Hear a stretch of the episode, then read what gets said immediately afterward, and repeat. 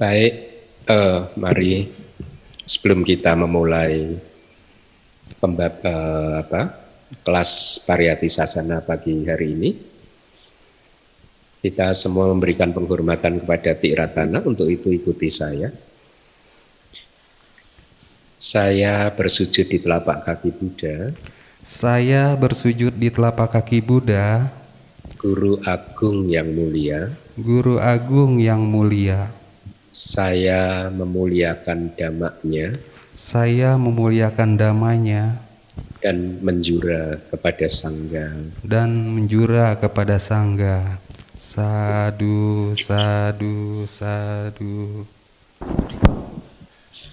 Baik, uh, Sukihontu buat para Samanera, Seyale, Upasaka dan Upasika sekalian, selamat tahun baru juga ya meskipun agak terlambat. Sepertinya ini kelas pertama di tahun 21 dari saya ya, kelas PS yang pertama. Semoga di tahun baru ini Anda semakin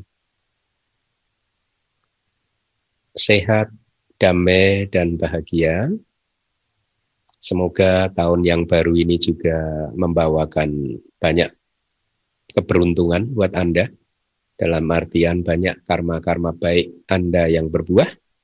Dan semoga pula di tahun yang baru ini komitmen Anda untuk terus berbuat baik menjadi semakin tinggi, semakin meningkat.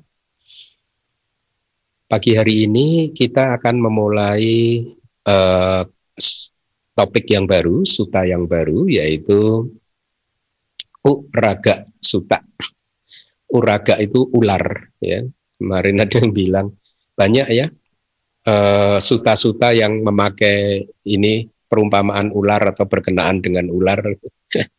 Iya, di kelas pariyati sasana saja saya sudah memberikan berapa suta yang berkaitan dengan ular ya Alagadu Pamasuta, Asiwi Sopamasuta, ya, Uraga Suta. Ada banyak memang. Di Anggutara Nikaya juga sepertinya ada beberapa. Tetapi uh, suta ini menarik ya karena secara khusus membahas tentang uh, kemarahan ya meskipun juga kilesa-kilesa yang lain nanti juga akan dibahas.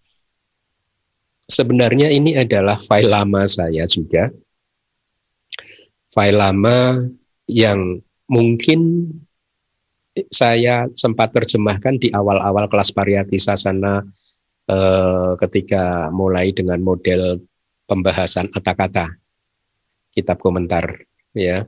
Tapi waktu itu kemudian saya drop belum sempat selesai, hanya selesai sutanya dan sedikit kata-katanya.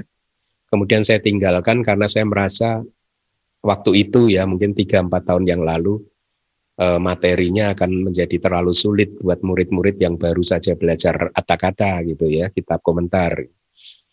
Tapi setelah 3-4 tahun kemudian, kemarin saya buka filenya lagi dan saya rasa Anda sudah mulai bisa memahami apa yang ditulis di dalam uh, kata-kata gitu ya.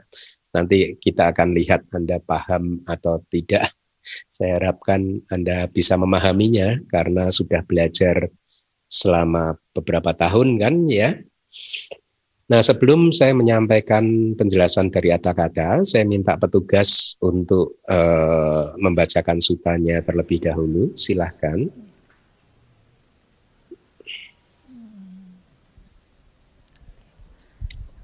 Uraga Sutta, Kudaka Nikaya 5.1 Seseorang yang menyingkirkan kemarahan yang telah muncul seperti menyingkirkan sebisa ular yang telah menyebar dengan menggunakan ramuan daun-daunan sebagai obat.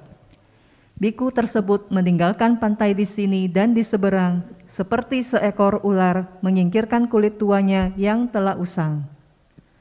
Seseorang yang telah menghancurkan nafsu ragawi tanpa sisa, seperti seseorang yang memetik bunga teratai setelah dia masuk menuruni danau Saroruhang, biku tersebut meninggalkan pantai di sini dan di seberang seperti seekor ular menyingkirkan kulit tuanya yang telah usang.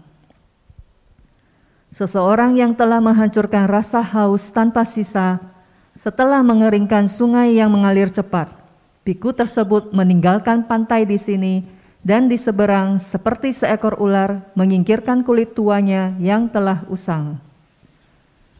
Seseorang yang menghancurkan kesombongan tanpa sisa seperti banjir besar menghancurkan jembatan alang-alang yang lemah.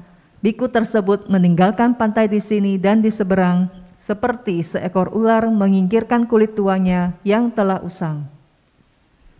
Seseorang yang telah memahami bahwa di dalam kehidupan-kehidupan tidak ada inti seperti mencari bunga di pohon udumbara, biku tersebut meninggalkan pantai di sini dan di seberang, seperti seekor ular menyingkirkan kulit tuanya yang telah usang. Seseorang yang tidak mempunyai dendam dari dalam dirinya dan setelah mengatasi kehidupan ini dan itu, biku tersebut meninggalkan pantai di sini dan di seberang, seperti seekor ular menyingkirkan kulit tuanya yang telah usang. Seseorang yang pikirannya telah dihancurkan, keseluruhannya telah dibentuk dengan baik secara internal. Biku tersebut meninggalkan pantai di sini dan di seberang, seperti seekor ular menyingkirkan kulit tuanya yang telah usang. Seseorang yang tidak berlari terlalu kencang, tidak terlalu tertinggal di belakang, yang telah mengatasi semua perkembangbiakan ini, biku tersebut meninggalkan pantai di sini dan di seberang, seperti seekor ular menyingkirkan kulit tuanya yang telah usang. Seseorang yang tidak berlari terlalu kencang, tidak tertinggal di belakang, setelah mengetahui tentang dunia, ini semua tidak benar. Biku tersebut meninggalkan pantai di sini dan di seberang, seperti seekor ular menyingkirkan kulit tuanya yang telah usang. Seseorang yang tidak berlari terlalu kencang, tidak terlalu tertinggal di belakang, bebas dari keserakahan setelah mengetahui tentang dunia. Ini semua tidak benar. Biku tersebut meninggalkan pantai di sini dan di seberang, seperti seekor ular menyingkirkan kulit tuanya yang telah usang. Seseorang yang tidak berlari terlalu kencang, tidak terlalu tertinggal di belakang, bebas dari nafsu ragawi setelah mengetahui tentang dunia, ini semua tidak benar. Biku tersebut meninggalkan pantai di sini dan di seberang, seperti seekor ular menyingkirkan kulit tuanya yang telah usang. Seseorang yang tidak berlari terlalu kencang, tidak terlalu tertinggal di belakang, bebas dari kebencian, setelah mengetahui tentang dunia, ini semua tidak benar Biku tersebut meninggalkan pantai di sini dan di seberang, seperti seekor ular menyingkirkan kulit tuanya yang telah usang. Seseorang yang tidak berlari terlalu kencang, tidak terlalu tertinggal di belakang, bebas dari delusi, setelah mengetahui tentang dunia, ini semua tidak benar. Biku tersebut meninggalkan pantai di sini dan di seberang, seperti seekor ular menyingkirkan kulit tuanya yang telah usang. Seseorang yang tidak memiliki tendensi laten apa pun yang akar-akar tidak baiknya telah tercabut.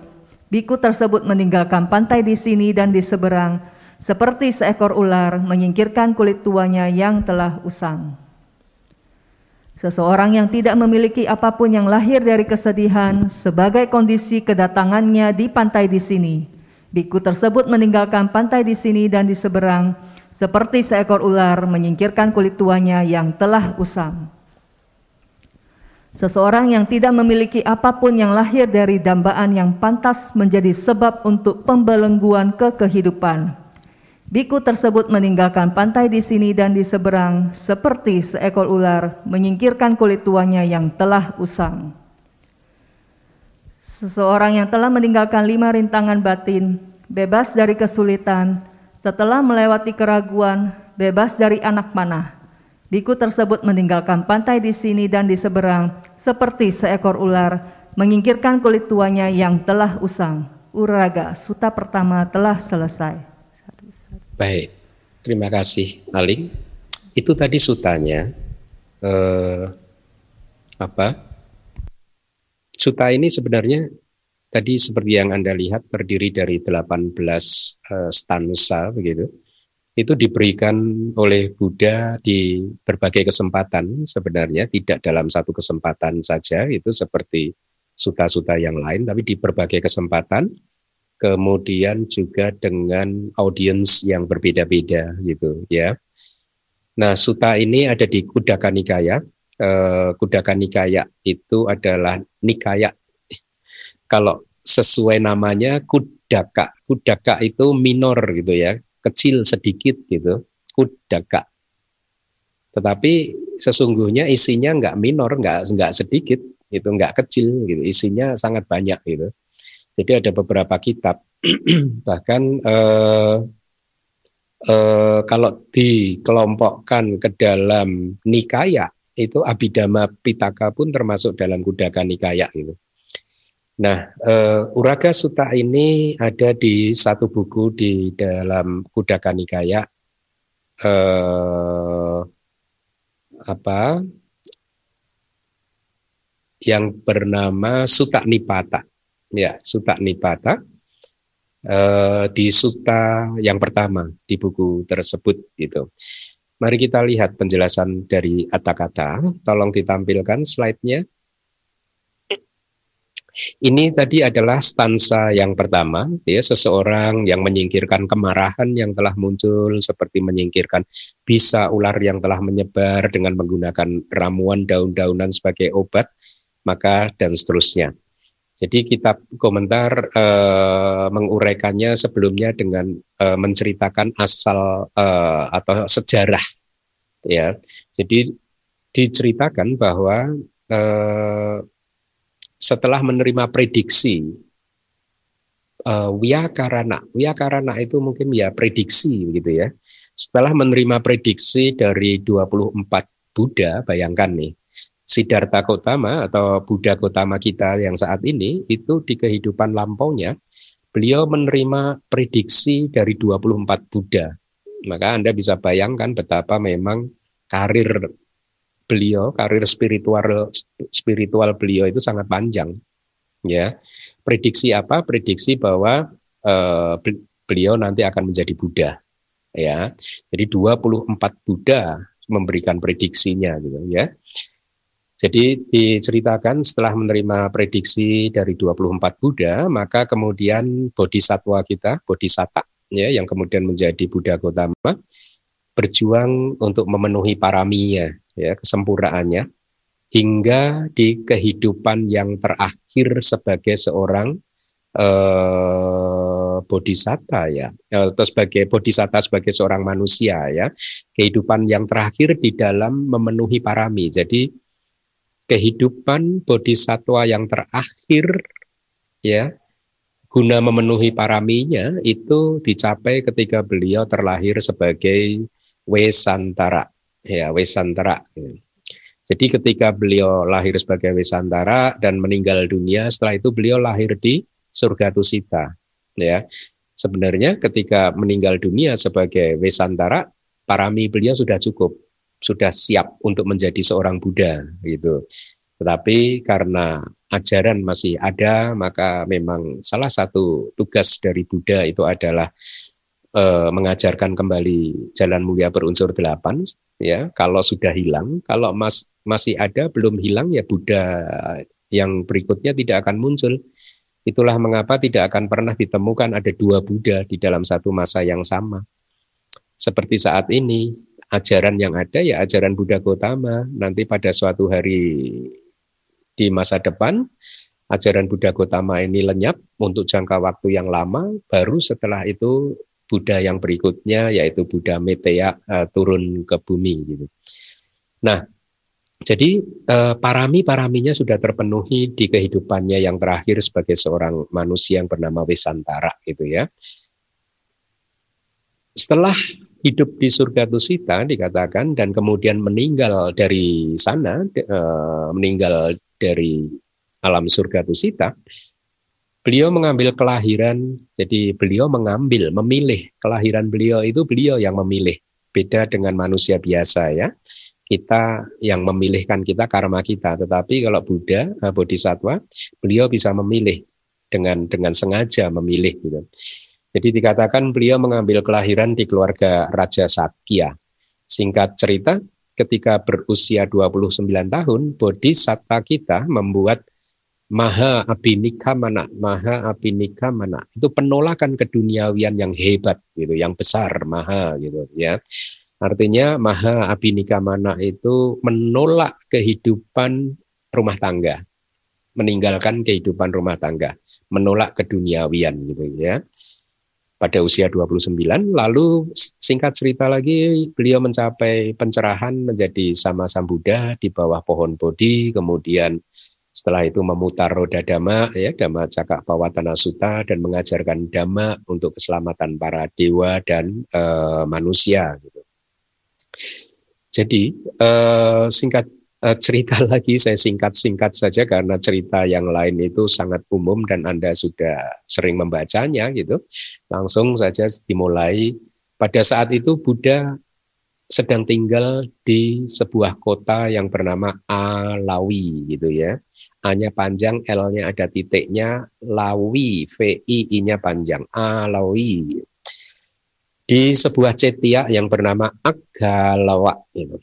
Ya, pada saat itu, beberapa biku Alawi ya sedang ketika beberapa biku yang tinggal di kota Alawi sedang mengerjakan pekerjaan konstruksi wihara, mereka memotong pohon-pohon dan memerintahkan orang-orang untuk menebangi pohon, memerintahkan penduduk gitu ya atau upasaka upasika juga untuk membantu mereka menebang pohon. Singkat cerita ada satu dewi, dewa perempuan yang tinggal di pohon salah satu pohon berkata kepada seorang uh, salah satu biku, Bante, tolong jangan memotong rumah saya. Jadi pohon itu adalah rumahnya uh, apa? Uh, seorang dewi untuk membuat rumah Anda gitu. Tapi biku tersebut tidak memperdulikannya. Ya, dia tetap saja memotong pohon dan singkat cerita karena kecerobohannya mengenai tangan anak Dewi tersebut. Sehingga akhirnya Dewi atau dewa perempuan tersebut tadi marah dan berkata di dalam hati, saya akan mengambil nyawa dia di tempat ini juga, akan membunuh biku tersebut di tempat ini juga. Akan tetapi kemudian dia mempertimbangkan seperti ini, hmm, tidak baik ya uh, untuk membunuh seorang biku di tempat ini. Se lebih baik saya melaporkan kejadian ini ke Buddha saja, ke Buddha Gotama. Setelah mendapatkan laporan, Buddha berkata, "Sadu, sadu, sadu, wahai Dewi, adalah bagus bahwa kamu tidak mengambil nyawa biku tersebut. Kenapa? Karena apabila hari ini kamu mengambil nyawa dia, maka kamu telah menciptakan banyak ketidakbajikan, ya, banyak karma buruk gitu, ya. Makanya kita kadang harus hati-hati, ya. E, kalau mau melakukan sesuatu, tidak hanya melakukan sesuatu, tapi juga berucap, berkata-kata dan dan dan lain sebagainya, seperti berpikir gitu, ya. Nah, selanjutnya Buddha berkata, pergilah wahai Dewi, gitu. Di tempat jadi Buddha menunjukkan di tempat yang seperti ini dan itu itu ada sebuah pohon yang terpisah dari pohon-pohon yang lainnya. Kamu tinggallah di sana, itu kata Buddha. Dan kemudian Buddha mengucapkan stansa seperti yang ada di dalam Damak pada syair 222 yang isinya seseorang seharusnya mengendalikan kemarahan seperti ketika seseorang mengendalikan kereta yang sedang berjalan ya jadi ini pesan untuk kita semua, kita harus mengendalikan kemarahan, tidak hanya kemarahan, sesungguhnya semua kilesa-kilesa harus kita kendalikan seperti seorang kusir kereta yang mengendalikan kereta yang sudah sedang berjalan. Anda bayangkan kusir kereta ketika keretanya melaju, dia harus menjaga keseimbangan kereta gitu ya supaya tidak terjatuh gitu. Sama ketika kilesa muncul, kita harus mengendalikan diri kita supaya tidak jatuh dalam kilesa-kilesa kita. Ya, uh, jadi kita sesungguhnya yang harus uh, bisa mengendalikan diri, mengendalikan kemarahan dan lain sebagainya, bukan sebaliknya kemarahan yang mengendalikan diri kita. Nah, lalu cerita berlanjut, orang-orang komplain, ya, para penduduk komplain, kenapa? Para biku memotong pohon dan meminta penduduk upasaka upasika untuk juga membantu mereka memotong pohon. Para biku mendengar kemarahan mereka dan eh, maksudnya para biku yang lainnya mendengar kemarahan orang-orang tersebut dan mereka melaporkannya kepada, kepada Buddha dan kemudian mengucapkan stans yang Buddha kemudian mengucapkan stansa di dalam suta ini yang seperti yang tadi Anda lihat seseorang yang menyingkirkan kemarahan yang telah muncul seperti menyingkirkan bisa ular yang telah menyebar dengan menggunakan obat uh, dan seterusnya gitu. Nah, sekarang penjelasannya begini. Kemarahan yang telah muncul, kata yang telah muncul ya, kata-kata menjelaskan ada empat uh, definisi. Satu adalah yang sedang terjadi. Artinya yang sedang terjadi, bayangkan kalau Anda sedang marah, maka kemarahan yang sedang muncul di permukaan batin Anda itu, itu adalah kemarahan yang sedang muncul, masih eksis gitu ya. Kemudian yang kedua adalah yang sudah terjadi dan telah pergi. Ya, anda bayangkan ketika kemarahan sudah pergi, Anda sudah tidak marah lagi, maka kemarahan tersebut dikatakan sudah pergi dan telah pergi. Yang ketiga adalah yang telah membuat sebuah kesempatan atau menciptakan sebuah kesempatan, ya nanti akan saya jelaskan. Kemudian yang keempat adalah damak yang telah mendapatkan bumi pijakan. Itu nanti juga akan saya jelaskan. Gitu. Nah, berkaitan dengan yang pertama, tadi sudah saya sampaikan, ya sedang terjadi, sedang muncul, masih um, berlangsung di rangkaian arus kesadaran Anda, gitu, ya anda harus memahami bahwa kemarahan itu adalah satu fenomena mental atau bahasa abidamanya itu adalah cetasika. Kita mempunyai 52 cetasika dengan kata lain dengan bahasa sehari-hari 52 energi batin kita, energi mental kita di samping ada satu yang disebut cita, kesadaran ya. Jadi 53 energi mental ini beserta dengan tubuh jasmani kita atau rupa ya yang secara kolektif di, sering di Anda dengar sebagai nama dan rupa kan ya itu sesungguhnya adalah fenomena yang muncul ketika muncul. Dia berlangsung itu sesaat cepat sekali. Ya Buddha mengatakan bahwa kelangsungan fenomena mental ya kemunculan dan kelenyapannya itu adalah satu per satu triliun jentikan jari gitu. Jentikan jari itu begini ya satu per satu triliun. Ya cepat sekali sebenarnya gitu ya. Jadi kemarahan anda itu sesungguhnya adalah fenomena yang usianya secepat itu satu per satu triliun jentikan jari gitu. Tetapi kenapa sering kali uh, anda merasakan ketika sedang marah maka kemarahan itu bisa berlangsung lama satu menit dua menit satu jam dua jam satu hari dua hari ya. Anda jangan terjebak jangan keliru memahaminya bahwa kemarahan Anda berlangsung selama dua jam atau dua hari. Bukan seperti itu. Yang terjadi sesungguhnya adalah kemarahan itu muncul dan lenyap selama dua jam. Ya, sesungguhnya selama dua jam juga tidak kemarahan terus yang muncul. Itu bagi mereka yang paham abidama akan bisa memahami ini dengan uh, baik. Tapi untuk bahasa sehari-hari katakanlah dua jam itu kemarahan itu muncul dan lenyap, muncul dan lenyap, muncul dan lenyap ya yang sesungguhnya enggak karena di sela-selanya itu ada kesadaran atau energi mental yang lain yang mungkin kalau kita tidak bermeditasi kita sulit untuk bisa uh, mengamatinya begitu.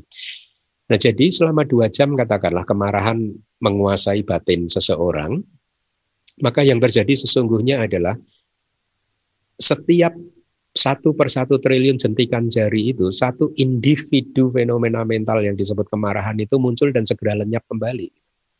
Ya, dia muncul dengan kecepatan yang sangat tinggi. Oleh karena kecepatannya yang sangat tinggi seperti itulah, maka kita sering tertipu dengan menganggap bahwa kemarahan adalah fenomena yang solid, yang keras, yang yang tidak apa, eh, yang usianya bisa dua jam atau bahkan lebih gitu ya. Nah, untuk memahami ini Anda bayangkan saja lampu bohlam itu atau lampu apa pun ya, bohlam atau ya neon mungkin juga begitu ya. Kalau Anda melihat lampu bohlam atau neon mungkin ya, itu lampunya sebenarnya bukannya berupa cahaya yang memancar terang terus-menerus kan? Dia terdiri dari flash apa? Cahaya yang sebenarnya hidup lenyap eh, muncul lenyap, muncul lenyap, muncul lenyap. Tetapi karena ya muncul lenyapnya itu sangat tinggi, maka kita mendapatkan kesan cahayanya itu solid. tidak padam-padam. Nah, kira-kira seperti itu ya. Jadi kemarahan yang sedang terjadi adalah kemarahan yang sedang muncul dan uh, belum lenyap gitu ya. Kemudian yang kedua, yang sudah terjadi dan telah pergi itu artinya kemarahan ataupun kilesa-kilesa yang lain ya yang telah muncul artinya dalam kata-kata dikatakan telah menikmati cita rasa objeknya dan kemudian lenyap seperti tadi, ketika Anda marah dan kemudian menjadi tidak marah lagi, maka kemarahan Anda sudah lenyap. Ya, nah ini harus Anda Anda pahami. Berarti ada dua poin ini ya, sedang muncul dan sudah pergi. Ya, Anda memahaminya harusnya ditarik lebih luas lagi bahwa semua fenomena nama dan rupa itu seperti itu. Ketika dia muncul, dia lenyap gitu ya. Seberapapun Anda menganggap itu eksistensinya seberapa lama pun anggapan Anda yang sesungguhnya itu sangat cepat ya. Tapi dipahami bahwa kemarahan atau fenomena-fenomena mental yang lain itu bisa lenyap. Nah, yang harus Anda pahami ketika dia lenyap, sesungguhnya dia tidak akan pernah bisa muncul lagi. Lalu kemarahan yang muncul lagi, kemarahan yang mana? Bukan kemarahan yang sudah lenyap itu, Bante, bukan. Kemarahan yang muncul lagi adalah kemarahan yang baru. Ya, jadi katakanlah tadi kemarahan itu muncul dan lenyap selama dua jam, sesungguhnya setiap satu persatu triliun detik itu kemarahan itu mati dan kemudian lahir kemarahan yang baru. Jadi semua fenomena mental maupun tubuh jasmani kita, materi apa pun itu yang sudah lenyap itu tidak bisa muncul lagi. Itulah mengapa Eh, guru-guru abidama sering mengatakan bahwa sesungguhnya usia kita itu sangat singkat sekali karena setiap satu per satu triliun jentikan jari kita meninggal dunia. Ya, dengan kata lain, setiap satu per satu triliun jentikan jari, sesungguhnya siapa pun itu adalah individu yang baru. Itulah mengapa kita tidak bijaksana kalau kita marah terhadap seseorang, kemudian kita simpan terlalu lama karena kita marahnya kepada Si A itu si A yang kapan? Oh si A yang kemarin. Oh jangankan yang kemarin gitu.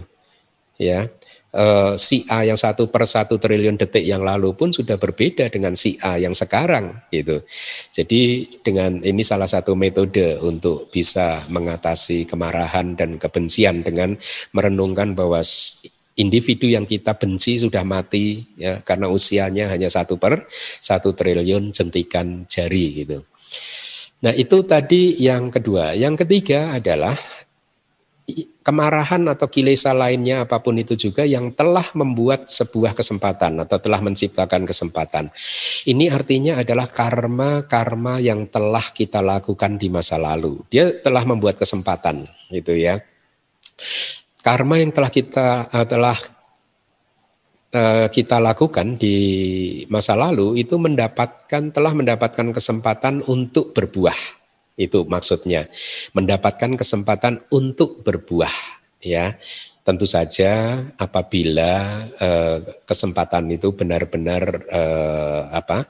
didukung oleh kondisi-kondisi yang ada maka dia bisa berbuah gitu ya. Harus dipahami bahwa setiap perbuatan kita tidak harus berbuah. Jadi jangan khawatir kalau Anda pernah melakukan hal yang buruk karena karma buruk tidak harus berbuah. Ya, itu kabar baiknya. Kabar buruknya karma baik Anda juga tidak harus berbuah. gitu. Yang keempat, eh, yang telah mendapatkan bumi pijakan itu merujuk kepada penjelasannya adalah semua fenomena-fenomena mental yang tadi sudah saya sebutkan yang tidak baik khususnya yang aku salah cetasika yang belum dihancurkan itu disebut telah muncul di masa lalu sebagai dhamma yang telah mendapatkan pijakan. Jadi semua aku salah cetasika yang belum dihancurkan Aku salah cetasika itu berarti fenomena mental yang tidak baik seperti keserakahan, pandangan salah, kesombongan, kebencian, kecemburuan dan seterusnya macam-macam.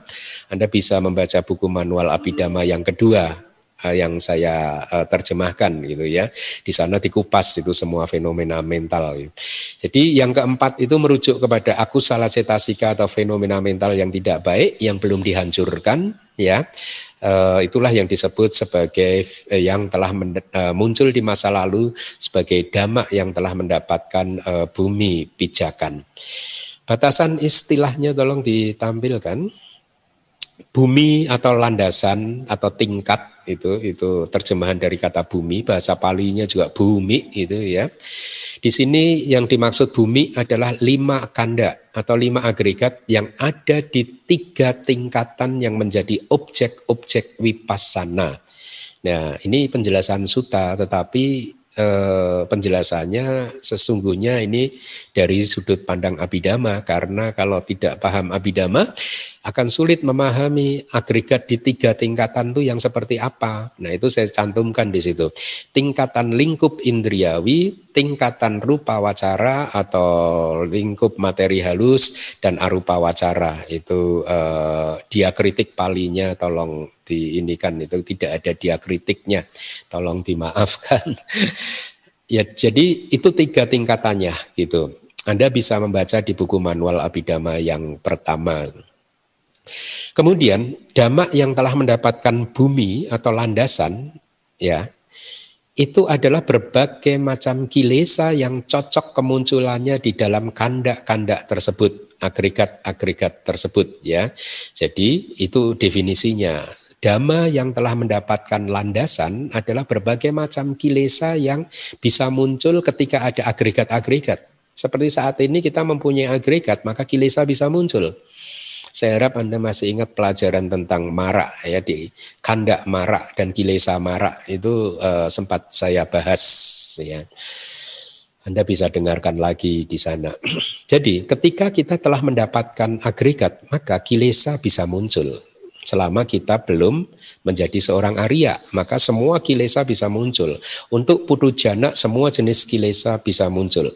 Salah satu definisi atau arti makna dari kata putu jana itu adalah makhluk yang memunculkan putu banyak gitu. Banyak apa? Banyak kilesa gitu ya. Jadi kilesa kita itu sering kali muncul banyak sekali kecuali anda sudah menjadi seorang Arya, Sotapana, Sakadagami, Anagami, Arahat, maka sesuai dengan tingkat pencapaian kesucian Anda, kilesa-kilesa tertentu pun hancur dan tidak akan pernah bisa muncul lagi. Dan kanda yang telah diperoleh atau agregat yang telah diperoleh pun ya, itu bisa menjadi objek kilesa. Ya, kita mempunyai agregat tubuh jasmani, maka itu bisa jadi objek kilesa kita. Kalau kita terlalu mengagung-agungkan tubuh jasmani kita, eh, bagi laki-laki yang merasa ganteng atau cantik, maka tubuh jasmaninya bisa menjadi objek kilesanya dia sendiri. Bahkan persepsinya juga bisa menjadi objek kilesanya dia sendiri ketika seseorang mempunyai persepsi yang negatif terhadap seseorang, maka persepsi tersebut akan ditangkap oleh kilesa ya dijadikan objek oleh kilesa. Jadi eh, saya ulangi lagi, kanda atau agregat yang telah kita peroleh bisa menjadi objek kilesa kita, ya. Seseorang yang tadinya tidak ganteng ingin menjadi ganteng, yang tidak cantik ingin menjadi cantik, yang tidak kaya ingin menjadi kaya dan akhirnya melakukan segala macam usaha yang penting kaya, melanggar sila nggak apa-apa. Jadi eh, itulah yang akhirnya uh, atau lahir jadi dewa gitu ya atau membayangkan ingin lahir sebagai manusia seperti si A si B. Jadi agregat-agregat diri sendiri ataupun agregat-agregat orang lain itu bisa menjadi objek untuk kilesa kita gitu ya. Jadi karena ada agregat maka kilesa bisa muncul. Nah, bahkan kitab komentar memberikan penjelasan begini, kilesa bisa juga muncul berkaitan dengan agregat seorang arahat. Ya artinya, jadi contohnya begini. Ada se seorang uh, pemuda yang bernama Soreya. Beliau ini adalah putra seorang saudagar yang kaya raya. Pada suatu hari pemuda yang bernama Soreya berjalan-jalan dengan kereta keluar kota menuju ke tempat pemandian bersama-sama dengan teman-teman dekat dan pengikut-pengikut yang lain. Ketika hendak meninggalkan kota, yang Arya Maha Kacana sedang berdiri di gerbang kota dan merapikan jubah luarnya untuk bersiap berpindah patah. mengumpulkan derma makanan. Ya. Sorea, pemuda tadi, sempat melihat warna kulit tubuh yang Arya Maha Kacana, yang keemasan, dan berkata di dalam hati, seandainya saja Tera ini menjadi istriku, atau andai saja warna tubuh istriku nanti sama dengan warna kulit yang Arya ini, alangkah indahnya gitu ya. Jadi bahkan agregat seorang arahat pun bisa menjadi objek kilesa dari seseorang ya tapi tentu saja arahat karena sudah tidak mempunyai kilesa, maka agregat seorang arahat tidak bisa menjadi objek kilesa dari arahat itu sendiri. Semata-mata karena arahat sudah tidak mempunyai kilesa. Contoh yang lain, pemuda, seorang pemuda yang bernama Nanda memperkosa seorang bikuni Upalawana ya. Setelah bikuninya itu jadi arahat itu. Ya, jadi lihatlah Ya, seorang pemuda melihat bikuni, melihat agregat, akhirnya kilesanya muncul. Seperti tadi, Sorea pemuda melihat yang Arya Mahakacana, kilesanya Sorea muncul. Kita sering juga kan, ya Anda juga sering ya, coba direnungkan. Ketika melihat baik itu agregat Anda sendiri, kilesa muncul. Melihat agregat orang lain, kilesa muncul. Tidak hanya kilesa yang berkaitan dengan nafsu cinta, tetapi kebencian juga bisa muncul ya gara-gara melihat agregat seseorang yang menimbulkan persepsi yang negatif di dalam rangkaian batin uh, seseorang. Nah, jadi kesimpulannya yang harus Anda pahami adalah kilesa-kilesa Anda itu membutuhkan tempat untuk kemunculannya. Tempat itu disebut lima kanda, lima agregat yang ada di tiga tingkatan itu tadi, ya. Uh, ada yang berpikir ya Eh, di masa lalu bahkan di teks-teks kita juga eh, sering diberikan contoh bahwa eh, hidup ini akan menjadi damai kalau tidak mempunyai tubuh jasmani. Dan itulah mengapa orang yang mempunyai pikiran seperti itu eh, akhirnya berjuang ada yang berjuang dan kemudian mencapai jana eh, dan berjuang lagi untuk menghilangkan, menghancurkan persepsi tentang tubuh jasmani. Singkat cerita dia mencapai jana non materi dan akhirnya dia lahir di uh, apa eh, Brahma yang tidak mempunyai tubuh jasmani yang seperti itu ada. Ada juga yang berpikir bahwa penderitaan ini muncul karena kesebatin, karena fenomena mental. Akhirnya juga dia berjuang, bermeditasi dan lahirlah sebagai seorang Brahma yang hanya mempunyai tubuh jasmani, tidak mempunyai kesadaran sama sekali. ya. Tapi itu pun semuanya adalah pandangan salah. Gitu. Kalau di dalam cerita modern itu saya teringat itu ada salah satu cerita jagoan yang namanya si buta dari gua hantu itu sejarahnya dulu dia merasa mempunyai mata itu mengganggu dia. Maka dia berpikir kalau matanya dia bikin buta maka dia bisa lebih fokus, lebih konsentrasi begitu. Ya tapi tentu saja kalau menurut sudut pandang Buddhis itu tidak e, benar gitu ya. Nah, jadi bumi atau landasan itu adalah lima kanda atau lima agregat. Dhamma yang telah mendapatkan bumi atau telah mendapatkan landasan itu adalah kilesa.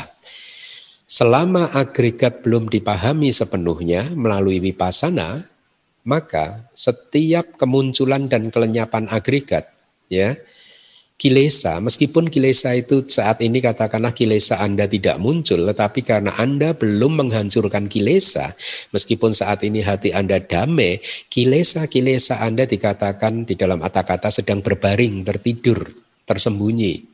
Ya, Uh, saat ini kan tidak ada kemarahan di dalam batin Anda semua yang mendengarkan, tetapi kemarahan itu dikatakan sedang tertidur atau tersembunyi. Tetapi Anda jangan memahaminya seperti ini, bahwa kemarahan itu adalah satu wujud yang eksis, kemudian bisa tertidur di dalam rangkaian batin kita. Tidak. Ya, itu tadi hanyalah istilah ya. E, tidak ada kan kita kan ini kan hmm, Buddha mengajarkan kan e, sabe sangkara anicca kan segala sesuatu adalah tidak kekal kan. Jadi kalau anda bayangkan oh kemarahan saya sedang tidur ada wujud yang berupa kemarahan yang sedang tidur maka itu pandangan salah. Itu adalah e, paham tentang kekekalan. Ya. Jadi tertidur itu hanyalah perumpamaan saja begitu ya.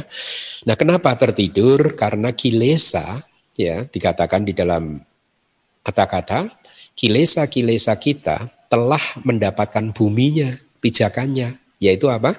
Agregat-agregat kita gitu. Dengan kata lain, kemarahan akan bisa sewaktu-waktu muncul nantinya gitu. Ya, bukan berarti yang tidur bangun ya. Harus dipahami bahwa semua fenomena baik itu nama maupun rupa itu usianya hanya satu per satu triliun detik. Ketika dia lenyap, dia lenyap nggak akan kembali lagi. Kemudian muncul yang baru lagi, usianya pun juga satu per satu triliun detik lenyap lagi. Jadi tidak ada solid entity, entitas yang solid yang kekal, tidak ada. Jadi istilah tertidur itu hanya perumpamaan eh, saja. Jadi inilah yang dimaksudkan uh, di next slide. Dhamma yang telah mendapatkan bumi. Ya, ya. Dhamma yang telah mendapatkan bumi itu atau bumi ladak bahasa palinya. Jadi sekali lagi bumi pijakan atau landasan untuk kilesa itu apa? Kanda-kanda atau agregat-agregat ya. Tetapi tentu saja agregat-agregat ini hanya menjadi bumi bagi makhluk yang belum menghancurkan kilesa itu ya. Hanya mengacu pada putu jana yang belum menghancurkan kilesa sama sekali ya. Ketika kilesa tidak muncul diistilahkan kilesanya sedang tertidur tersembunyi di dalam kanda kanda putu jana atau agregat agregat putu jana. Akan tetapi ketika kilesa yang merupakan akar dari samsara berhasil dihancurkan oleh maga ini dan itu. Artinya oleh Sotapati Maga, Sakadagami Maga, Anagami Maga, Arahata Maga itu maksudnya. Maka agregat-agregat seorang sotapana dan seterusnya itu tadi tidak bisa disebut lagi sebagai bumi pijakan atau landasan untuk kilesa karena agregat-agregat tersebut bukan lagi menjadi landasan bagi kilesa yang telah dihancurkan oleh maga ya itu harus dipahami. Berbeda dengan budu jana ya karena kilesanya belum tidak ada yang dihancurkan atau belum ada yang dihancurkan maka setiap perbuatan dia baik itu karma yang kusala atau karma baik ataupun karma yang akusala atau tidak baik perbuatan-perbuatan seorang putu jana hanya akan memperpanjang rangkaian kelahiran dan kematian. Mengerikan ya Janganlah kita melakukan sesuatu yang hanya akan memperpanjang rangkaian kelahiran dan kematian atau memperpanjang rangkaian agregat-agregat kita. Kenapa? Karena semakin panjang rangkaian tersebut, semakin menderita kita. Gitu ya. Berbeda dengan seka. Seka itu adalah seorang murid suci atau murid yang mulia yang masih berjuang untuk mencapai tingkat kesucian kearahantaan atau dengan kata lain seka itu adalah mengacu kepada sota pana sakadagami dan anagami ya. Jadi berbeda dengan seka dan aseka. Aseka itu arahat atau arah atau arahanta itu. Itu eh, agregatnya tidak bisa disebut sebagai bumi untuk kilesa-kilesanya. Nah jadi next slide. Bagi jana siklus kelahiran dan kematian atau bahasa palinya wata itu berputar dengan karma dan kilesa sebagai kondisi-kondisinya. Anda tahu nggak ya karma itu bisa disebut sebagai karma selama masih ada kilesa. Ya. Jadi yang membuat karma itu hidup eksis kilesa. Karena ketika kilesa sudah dihancurkan maka perbuatan kalau Anda sudah menghancurkan semua jenis kilesa, maka perbuatan-perbuatan Anda tidak bisa disebut lagi sebagai karma. Tidak akan memperpanjang uh, rangkaian agregat-agregat Anda atau siklus kelahiran dan kematian Anda. Ya, inilah yang terjadi pada seorang arahat. Seorang arahat apa pun yang dia berbuat tidak akan bisa menghasilkan buah atau efek karena perbuatan seorang arahat bukan tidak bisa disebut sebagai karma melainkan kirya atau fungsional. Nah, selanjutnya kita tidak bisa mengatakan apakah akar dari siklus kelahiran dan kematian itu tertidur tersembunyi di rupa kanda misalkan agregat materi misal nggak bisa ya atau eh, akar dari atau kilesa-kilesa itu tertidur di wedana kanda, agregat perasaan nggak bisa, atau hanya tertidur di sanya kanda, agregat persepsi nggak bisa, atau di agregat-agregat yang tidak bisa. Kenapa? Karena kilesa-kilesa ini dikatakan tertidur atau tersembunyi di lima agregat atau lima kanda atau panca kanda tanpa terkecuali. Kitab komentar memberikan ilustrasi yang sangat indah sekali seperti ini. Bayangkan ya hubungan antara pohon dan patawi rasa. Patawi rasa itu adalah mungkin sari makanan di bumi gitu ya. Patawi itu bumi, rasa itu bisa sari makanan gitu. Atau mungkin bahasa ilmuwan eh, biologinya air dan mineral-mineral di bumi begitu, patawi rasa. Jadi bayangkan hubungan antara dua ini pohon dan mineral dan air atau patawi rasa ya.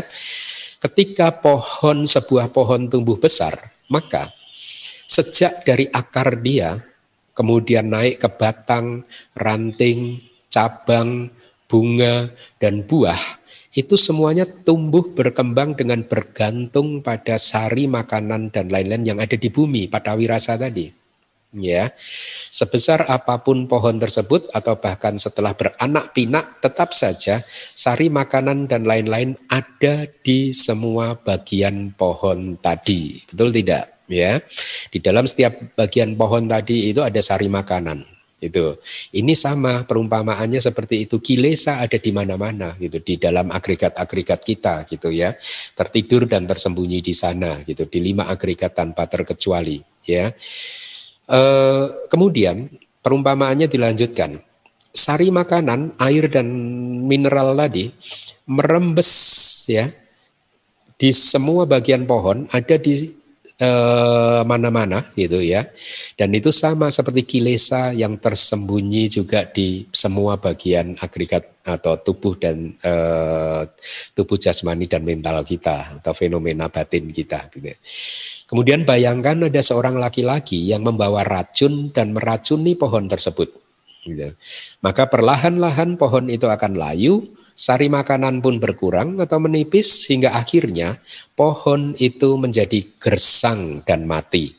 Demikianlah perumpamaan untuk proses keluar dari siklus kelahiran dan kematian yang menjadi tujuan kita e, semua. Seseorang kita hendaknya mengembangkan rasa jijik terhadap kelangsungan agregat-agregat ini ya dan kemudian bertekad untuk berlatih meditasi wipasana untuk mengembangkan mencapai empat maga yaitu sotapati maga sakadagami maga anagami maga dan arahata uh, maga karena ketika maga cita atau kesadaran jalan itu muncul, kilesa menjadi menipis atau hancur. Ya, ada yang hancur sama sekali, dan tidak akan pernah bisa muncul lagi. Ada yang hanya menipis saja, kehilangan kekuatannya gitu ya.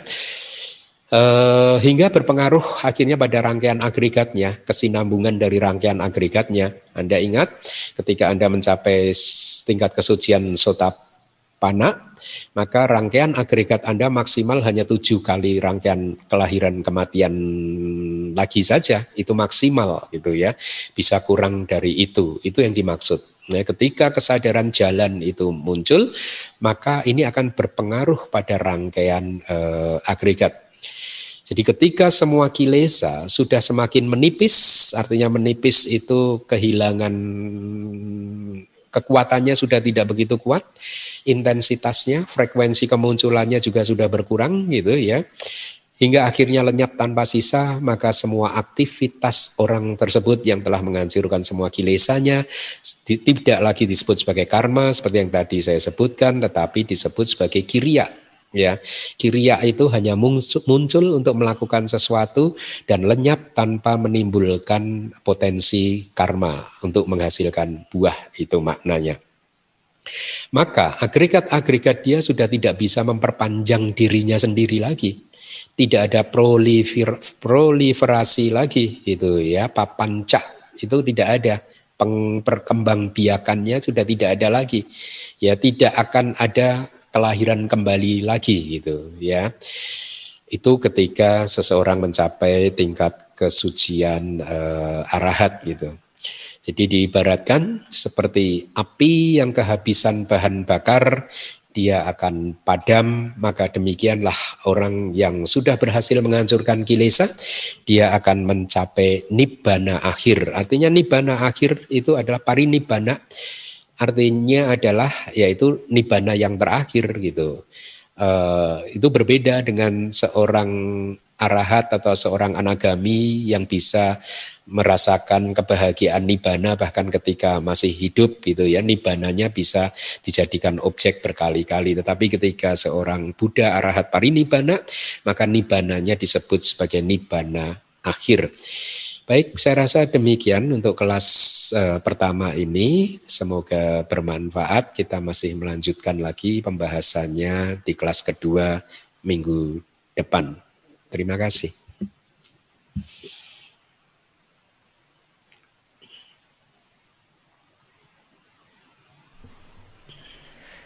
Sadu, sadu, sadu. Anumodana Bante atas penjelasan suta yang telah disampaikan kepada kami. Semoga kami semua mendapatkan manfaat tertinggi dari pendengaran dhamma ini. Bagi kalian yang membutuhkan slide kelas Paretisasana ini dapat mengunduhnya di website DBS www.damawihari.org.id. Selanjutnya kita akan memasuki sesi tanya jawab.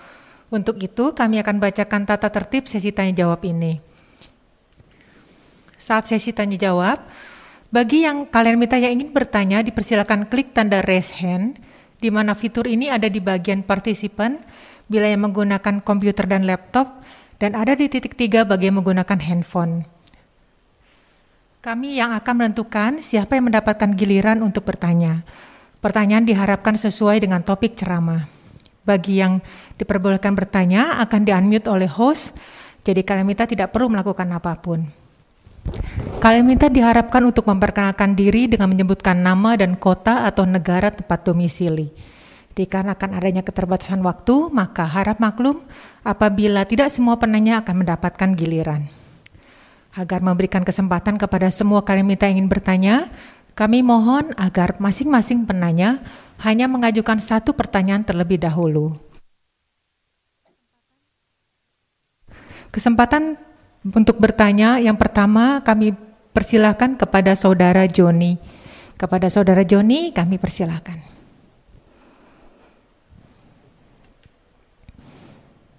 Anumodana Sukioto Bante. Ya. Selamat pagi, saya Joni dari Medan.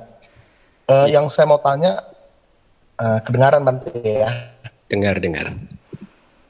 Nah, yang saya mau tanya adalah tadi kan Bante ada bilang uh, sama baik atau buruk pun bisa ada kemungkinan tidak berbuah.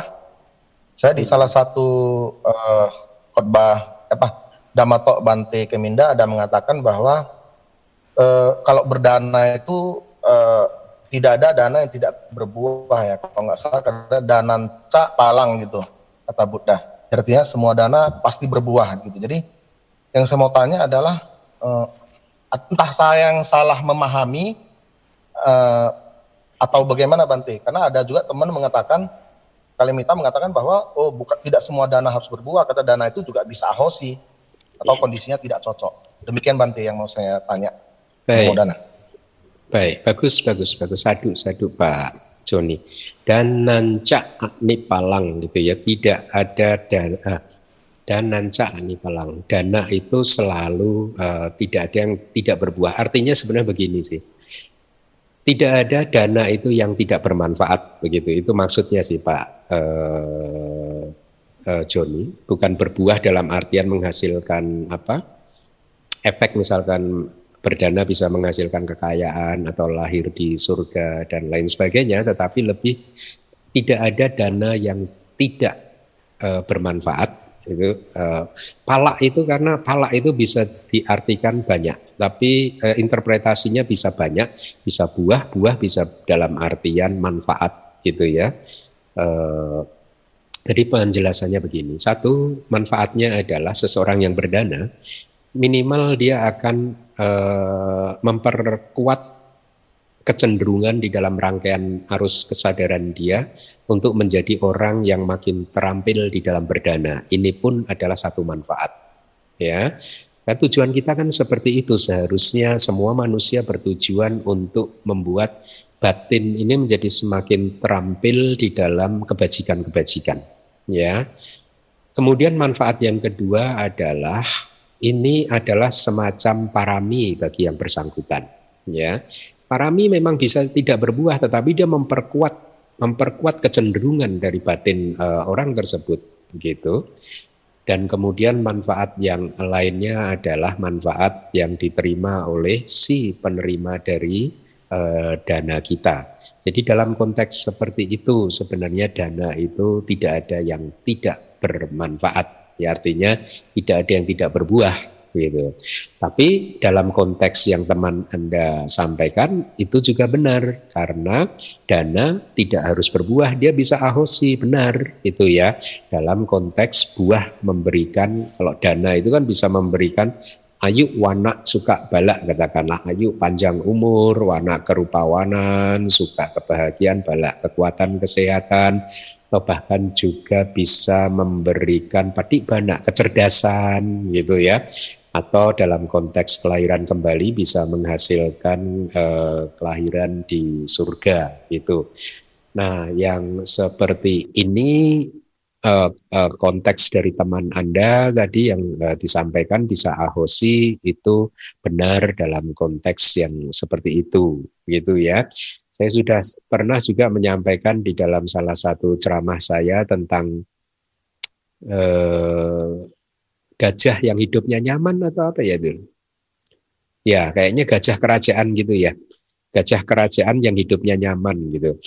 Jadi seekor gajah dipelihara oleh raja atau kerajaan dan dirawat bahkan oleh orang-orang, oleh laki-laki yang gagah perkasa, dimandikan, diberi sampo, diberi sabun juga dibersihkan, diberi apa eh, rangkaian bunga, ya kalung bunga dan seterusnya, mungkin diberi wewangian, makan diperhatikan dan seterusnya. Dan ceritanya eh, gajah tersebut di kelahiran yang lampaunya adalah seorang eh, ya seorang perumah tangga dan dia itu eh, murah hati, tetapi dia juga sering melanggar sila. Nah bayangkan nih untuk anda ini pelajaran yang bagus nih.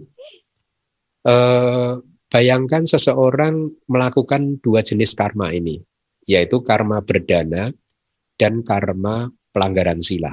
Ya, jadi karma yang baik dan karma yang tidak baik. Mereka yang memahami karena ada pemahaman di dunia ini yang berkembang seperti ini nggak apa-apa e, melakukan kejahatan misalkan nggak apa-apa asal asal perbuatan baik kita kita perbanyak gitu nanti kita kan tahu e, ibaratnya itu timbangan ditimbang-timbang antara karma berat dan karma buruk mana yang lebih berat. Kalau yang lebih berat adalah karma baik kita, maka nggak apa-apa kita melakukan karma buruk kadang-kadang nggak apa-apa gitu. Tapi hukum karma tidak bekerja seperti hukum dagang seperti itu, hukum hitung-hitungan seperti itu, atau hukum timbangan seperti itu. Tidak, ya. Hukum karma Cara bekerjanya adalah setiap individu karma itu mempunyai potensi untuk berbuah. Nah, sekarang berbuahnya itu ada di dua momen, dua tempat, ya, dua momen, dua saat. Satu berbuah memunculkan kesadaran penyambung kelahiran kembali. Ya. Jadi kalau karma berdananya tadi memuncul berbuahnya di momen patik sandi, penyambung kelahiran kembali, maka orang tersebut akan lahir sebagai manusia atau lahir sebagai dewa. Ya. Tetapi kalau karma berdananya orang itu tadi yang juga melanggar sila itu tadi, berbuahnya adalah di kehidupan sehari-hari, maka buahnya adalah kehidupan yang nyaman. Nah sebaliknya juga, jadi karma bisa berbuah di dua tempat itu tadi. Anda harus ingat-ingat nih semuanya di dua momen tadi, yaitu momen patik sandi, penyambung kelahiran kembali, yang memunculkan kelahiran kembali, yang menyambung kelahiran kembali, dan di momen yang kedua adalah momen pawati, kejadian sehari-hari. Nah, kalau karma pelanggaran sila itu berbuah di patik sandi, penyambung kelahiran kembali, maka pelanggaran silanya tadi akan memunculkan agregat di empat apaya. Ya, Kalau pelanggaran silanya berbuah di momen pawati atau kejadian sehari-hari, maka karma pelanggaran sila tadi akan memunculkan buah berupa kesulitan dalam kehidupan, ya, ketidaktenaran mungkin, ya sering mengalami buah dari karma buruk dia, begitu, kehidupan yang tidak nyaman gitu. Nah sekarang kembali lagi ke orang yang melakukan dana tapi juga melakukan pelanggaran sila Anda bayangkan. Skenario-nya bisa berbeda-beda ya. Kalau karma berdananya memunculkan agregat atau penyambung kelahiran kembali, maka dia lahir sebagai manusia atau e, dewa gitu ya. Tapi kalau ke kemudian karma buruknya muncul di berbuah di kehidupan sehari-hari, maka dia akan jadi manusia yang tidak bahagia banyak mengalami kesulitan di dalam kehidupannya, banyak mengalami penderitaan di dalam kehidupannya gitu karena karma-karma buruknya itu tadi berbuah di sepanjang kehidupannya itu ya. Nah, skenario kedua kalau dibalik sekarang. Karma pelanggaran silanya memunculkan patik sandi memunculkan penyambung kelahiran kembali, maka akhirnya dia akan lahir di salah satu dari empat apaya, neraka, peta, asura, dan binatang. Sebagai contoh, sesuai dengan konteks yang ingin saya sampaikan, katakanlah dia akhirnya lahir sebagai gajah. ya Dan karma berdana dia berbuah di sepanjang kehidupan, akhirnya membuat dia di dalam kehidupannya sebagai seekor gajah, dia mendapatkan banyak kebahagiaan dan kenyamanan hidup. Nah, itulah mengapa contoh yang diberikan adalah gajah kerajaan. Bayangkan gajah yang dipelihara oleh kerajaan atau gajah raja pasti hidupnya nyaman. Seperti mungkin pet Anda, binatang-binatang peliharaan Anda itu hidupnya nyaman. Ya itu kira-kira seperti itu. Nah itu karena mungkin binatang-binatang peliharaan Anda itu dulunya banyak berdana tapi sayangnya pelanggaran silanya memunculkan patik sandi. Akhirnya dia lahir sebagai binatang, entah kucing, entah anjing, dan lain sebagainya. gitu. Jadi Anda pilih yang mana dari dua skenario tadi? Yang baik yang memunculkan patik sandi, tapi lahir jadi manusia yang susah, atau lahir jadi binatang yang nyaman? Pilih mana? Enggak, pilih dua-duanya. Pilih yang Pilih lahir jadi manusia dan hidupnya nyaman, mencapai maga, pala hmm. dan nibana. Itu Pak Joni ya. Sadu, sadu. ya, sadu. Anumodana Bante. Ya, ya, ya. Terima kasih Bante atas penjelasannya. Selanjutnya kesempatan bertanya diberikan kepada Saudari Felisa Tan. Kepada Saudari Felisa kami persilakan. Ya, selamat pagi Sukihotu Bante. Hei ya Sukihotu ya. Felisa. Ya Felisa dari Jakarta. Uh, pertanyaan saya adalah hmm, ketika kita menyadari kesalahan orang lain atau kita sedang berbelas kasih gitu karuna uh, bagaimana caranya kita aware apakah kita sedang memunculkan mana juga atau kesombongan kayak hmm karena kan di situ ada perbandingan seolah kita lebih benar dari dia gitu. Itu aja. Hmm. Terima kasih. Hmm. Itu tadi kalau sudah muncul pikiran kita lebih benar dari dia itu kesombongan. itu mana itu uh, kesombongan. Jadi uh, kalau kita sudah berbuat baik terhadap orang lain ya jadi setiap kali pikiran kita yang membanding-bandingkan diri kita, perbuatan kita dengan diri orang lain dan perbuatan orang lain, dan kemudian juga men, dengan dengan tujuan untuk meninggikan diri kita, karena harus dipahami begini, ini yang kadang uh, uh, saya bahkan pernah menerima gitu ya, menerima mm, ya mm, pesan elektronik gitu ya, message gitu Uh, seseorang mengatakan si A si B ini sombong karena setiap kali ini berbicara tentang uh, di, dirinya gitu begitu. Kira-kira begitulah. Dan dia memfonis bahwa orang yang berbicara tentang dirinya itu sombong. Dan saya jawab kita nggak akan pernah bisa sebenarnya menilai kesombongan orang lain. Kenapa? Karena kesombongan itu fenomena mental yang kita nggak bisa melihatnya gitu kalau kita menilai kesombongan hanya dari seseorang berkata saja, maka kita akan dengan mudah menuduh Buddha sebagai orang yang sombong. Karena Buddha sering kali di dalam di dalam apa uh, Suta Winaya itu bercerita dengan menunjukkan ini saya, saya begini, aku dulu begitu, aku kalau di terjemahan saya untuk membedakan Buddha dan yang lain saya menggunakan kata aku untuk Buddha gitu. Aku dulu begini, aku dulu begitu. Di luar ajaranku tidak ada ajaran yang bisa membawa ke pencerahan, hanya ajaranku. Nah, kalau kita menilai dari kata-kata maka Buddha itu sombong. Tapi kan kesombongan itu fenomena mental. Jadi tidak ada orang lain yang bisa mengerti kesombongan orang lain hanya berdasarkan fisik atau fenomena materi. Suara itu fenomena materi, tulisan itu fenomena materi, ya Eh, kita tidak bisa menilai fenomena mental dengan berdasarkan fenomena uh, materi seperti itu tadi. Jadi yang tahu orang tersebut sombong atau tidak ya diri, dia sendiri sebenarnya orang lain nggak ada yang tahu gitu. Nah sekarang pertanyaannya bagaimana? Gitu. Atau dengan kata lain sesungguhnya kesombongan itu diajarkan oleh Buddha sebagai alat tools untuk menilai diri kita sendiri sesungguhnya. Ya, makanya sering kan saya mengatakan kita belajar dharma bukan untuk mukulin orang lain. Hei kamu nggak tahu teori, kamu nggak pernah praktek meditasi, kamu nggak pernah ini untuk berdebat enggak gitu. Jadi ajaran Buddha itu bukan alat pukul untuk menyakiti orang lain. Ah kamu nggak sesuai ajaran Buddha ini enggak. Ajaran Buddha kita pelajari sebagai alat untuk mengukur diri kita sendiri sebagai alat bantu untuk membuat kita tahu tentang apa yang harus kita lakukan dan apa yang tidak boleh kita lakukan.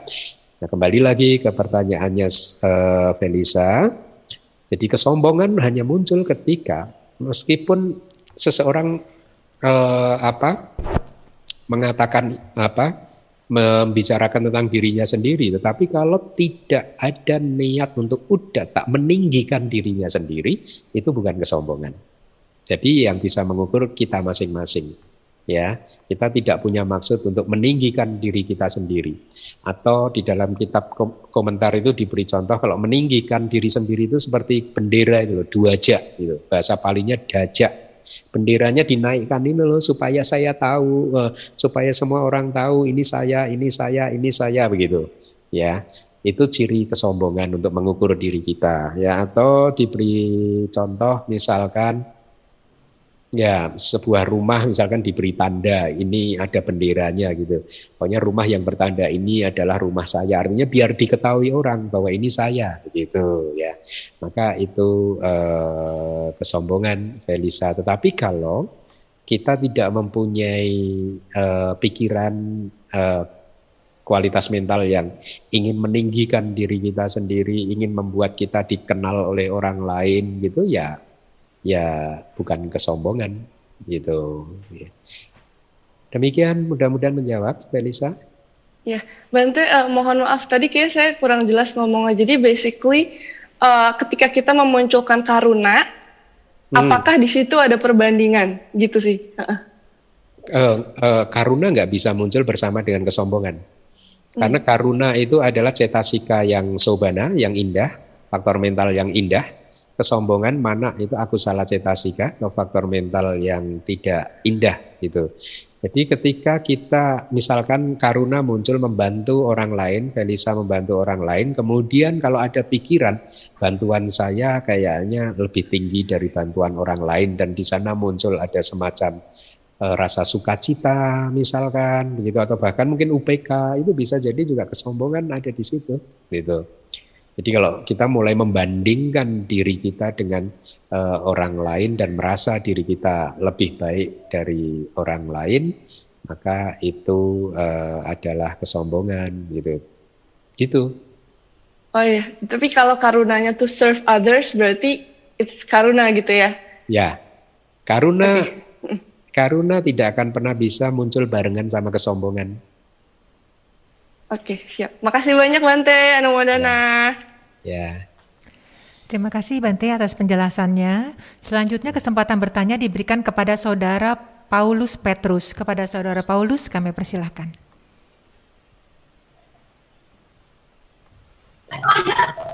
Selamat pagi Bante, Namo Buddhaya. Nanti yang ingin saya tanyakan adalah Buddha, uh, saya pernah mendengar gitu kan, bahwa dalam ajaran Buddha itu ada 84 ribu pintu Dharma. Mohon kiranya Bante dapat menjelaskan hal ini Bante. Terima kasih. Ada apa? Seribu pintu Dharma? 84 84 ribu dharma ya Bante. Oh, I see. 84 dharma kanda. Ya. ya. 84 dharma kanda itu 84 eh, agregat eh, dharma gitu. Hmm. Kalau tidak salah itu semacam topik-topik begitu, Pak. Ya.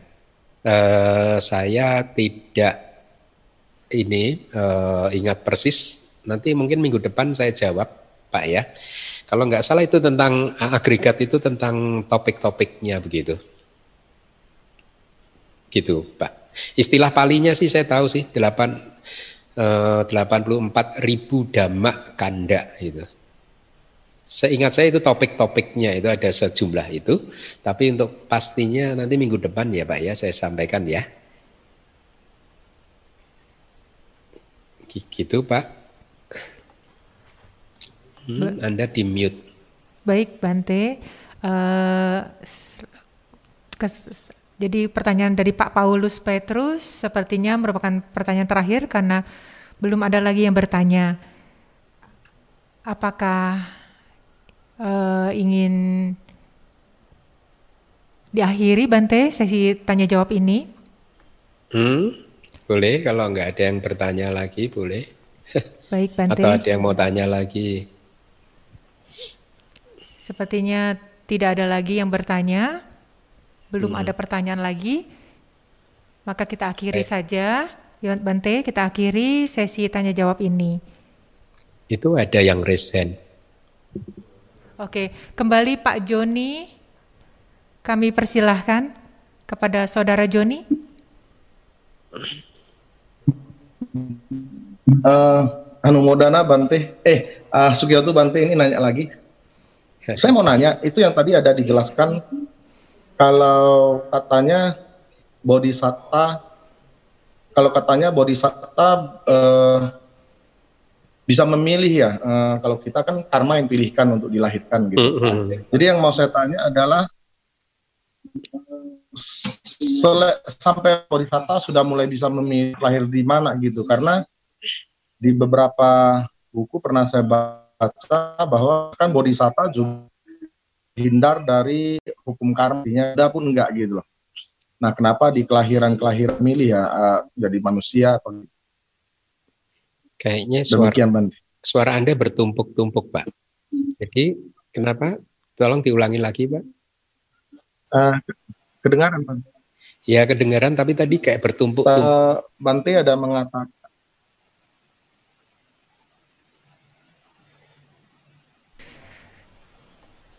Saudara Joni mohon diulangi dan mohon dipastikan speakernya jelas karena kami nah, tidak kedengaran tidak iya, stabil dengar. Pak Joni.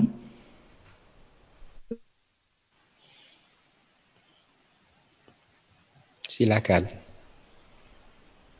Hmm? Nggak dengar. Nggak dengar Pak. Nggak kedengaran ya? Ya sekarang dengar sekarang. Kedengaran. Uh, saya pindah. Gak kedengaran internetnya. Ya Pak Joni, sepertinya sinyalnya tidak uh, stabil sehingga kami mendengarnya terputus-putus.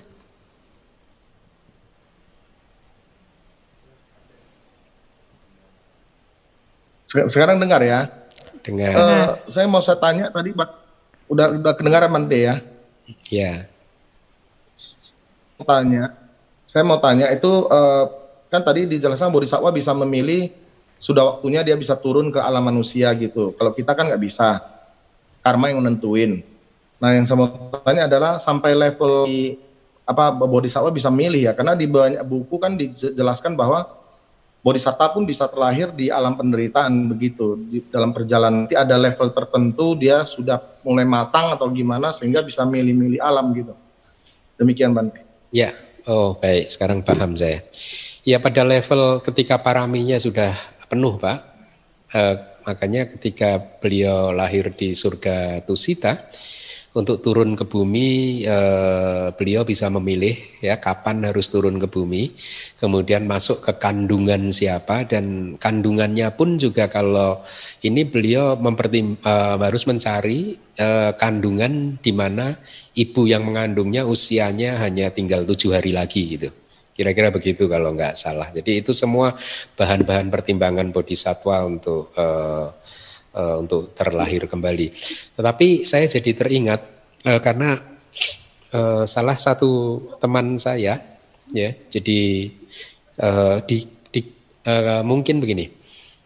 Yang sering ada beritanya adalah mungkin aliran Tibet ya para biku bisa memilih kelahirannya Pak Joni ya pernah baca nggak itu di buku-buku uh, kayak misalkan pernah, pernah. His Holiness Dalai Lama ke-14 ini pun kan ketika yang ke-13 meninggal dunia juga memberikan petunjuk kepada orang-orang di sekelilingnya bahwa dia akan lahir di sebuah desa dengan rumah yang beratap seperti ini, seperti itu dan seterusnya begitulah. Ya, itu banyak cerita untuk aliran Tibet itu ya. uh, seperti itu. Tetapi sesungguhnya di aliran Theravada juga seperti itu. Cuman memang uh, tidak begitu dijadikan sebagai sesuatu yang penting gitu Kenapa saya mengatakan seperti ini? Karena salah satu teman saya juga pernah berkata bahwa setelah ini dia akan lahir di mana gitu. Itu ya tentu saja eh, saya percaya sama yang mengatakannya karena saya mengerti tingkat hmm. uh, meditasinya dia begitu ya. Uh, jadi uh, di aliran Theravada juga seperti itu. Nah, jadi yang yang bagaimana nih yang bisa seperti itu? Ya, yang meditasinya sudah matang, yang idik padanya itu, idik pada itu apa ya? Uh, idik padanya itu sudah sempurna gitu. Jadi dia bisa uh, mengendalikan terlahir di mana, terlahir di mana begitu. Begitu Pak, kalau terhadap pertanyaan Pak Joni, tingkatan ketika dia sudah penuh paraminya tadi gitu. Dia bisa memilih gitu. Tapi kalau kalau yang belum kayak mungkin teman saya itu itu mungkin bukan memilih sih mungkin. saya nggak nggak nggak nggak ini sih. Dia hanya melihat mungkin rangkaian lima agregatnya ke depannya berhenti di mana dan muncul lagi di mana gitu. Mungkin seperti itu. Demikian Pak Joni ya. Ya, anumodana. Hmm. Terima kasih Bante atas penjelasannya.